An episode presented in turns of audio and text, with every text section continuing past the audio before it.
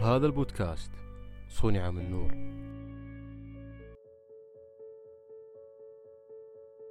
أهلا. هنا ركان. مرات نخطي ونحكم على الأشخاص من مظهرهم الخارجي طيب كيف نحكم على الأشخاص؟ في مقومات تخلينا نعرف الأشخاص وطبيعتهم وسلوكهم مثل البيئة المزاج الخلق وغيرها. منذ أيام الإنسان الأول تبدأ ملامح شخصيته بالتكون ليكبر كل منا إنسانا ذو شخصية مختلفة ومميزة. على اختلاف أنماط شخصياتنا وسلوكياتنا فإننا جميعا نتشارك برغبة في تقوية الشخصية وتطوير الذات وبين تقوية الشخصية والثقة بالنفس علاقة قوية تجعل صاحبها أكثر حبا لذاته وللعالم من حوله.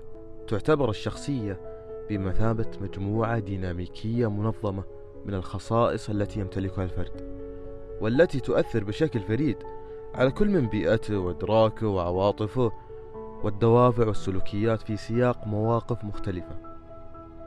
والشخصية أحيانا تشير إلى نمط الأفكار والمشاعر والتكيفات الاجتماعية والسلوكيات التي تظهر باستمرار والتي تؤثر على توقعات الفرد ومفاهيمه الذاتية وقيمة مواقفه إلى حد كبير.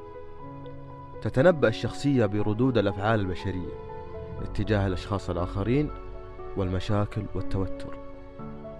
تحدث جوردن أولبريت عام 1937 عن نهجين رئيسيين لدراسة الشخصية تعددي وتفردي.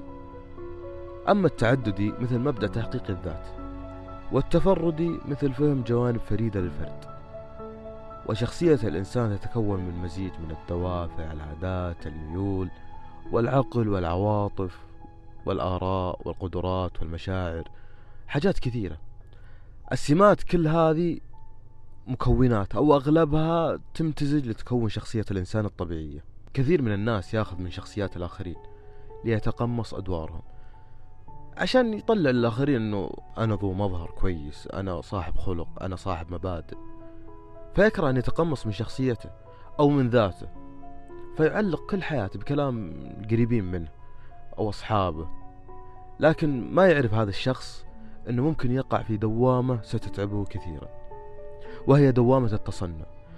فيصبح بذلك غير قادر على أن يكون الشخص ذاته. فيصبح تابعا لما يراه الناس أو ما قد يفهمونه فتصبح حياته فقط من أجل غيره وليست من أجله. ويرى خبراء النفس أن للتصنع أسبابا نفسية عدة. ناجمة عن إحساس المتصنع بأنه أكبر من شأن الآخرين وقد يكون المتصنع شخصا يشعر بالنقص فيهرب من شخصيته إلى نوع من الطبائع السلوكية للاندماج بشكل أفضل. على حسب ظنه وهناك أسباب مرضية قد تكون مرتبطة بخلل عقلي.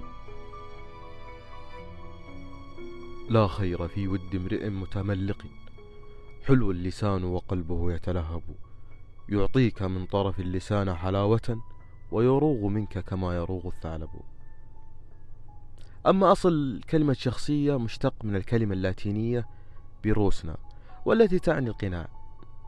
كم قناع نشوف باليوم؟ أنت كم قناع لابسة؟ كم من المتصنعين حولنا؟ الشخصيات أنواع وأهم شيء عشان تطور شخصيتك تبحث عن جوهرك عن شخصك. اللي ممكن يكون مختلف أو متخفي خلف قناع. تحلل شخصيتك وتعرف نقاط ضعفك وقوتك ومن هنا تبدأ تطورها. من أهم مفاتيح تطوير الشخصية الثقة بالنفس. الثقة بالنفس مفتاح أساسي عشان تطور شخصيتك. لازم تؤمن بنفسك وبقدراتك بالأشياء اللي ممكن تسويها. أبعد عن الخوف وخل من حولك وسلاحك الأفكار المحفزة. والنظرة الإيجابية مفتاح مهم. فكر بجانب مشرق بعيد عن السلبية. واقرأ. القراءة والتفكير مفتاح لتعزيز المفاهيم والمبادئ والقيم. نوع اهتماماتك. شارك الأشياء اللي عجبتك مع من حولك. وقتها بتتطور بدون لا تحس. لأن بيكون فيه تبادل الأفكار. وسع دائرة علاقاتك. الأشخاص الجدد يعرفك على عقليات وشخصيات جديدة. منها تبدأ باكتساب السمات اللي تطور شخصيتك. كم مرة مشيت وراء عواطفك؟ دائما اختار شخصيتك بالمنطق ما هو بالعاطفة. حاول تتحكم في مشاعرك وخل عقلك دائما سيد الموقف. أنت راضي عن حياتك الآن. خليك دائما راضي وطور للأفضل. لا تصير متشائم أبدا وخليك صبور ما في شيء يجي بالسهولة كم مرة تنازلت عن مبادئك؟ ابتعد عن المؤثرين سلبيا عليك. خليك صاحب مبدأ ولا تحاول تتدخل في مبادئ الآخرين. أخيرا كلنا لابسين أقنعة بس أبدا لا تتنازل عن قناعك. وحاول تكون شخصيتك أقوى لا تكون مكشوف للكل أو سهل نزع قناعك. إذا عجبك البودكاست لا تنسى الاشتراك وشارك الحلقة مع شخص واحد على الأقل. وتابعنا بالمنصات الأخرى.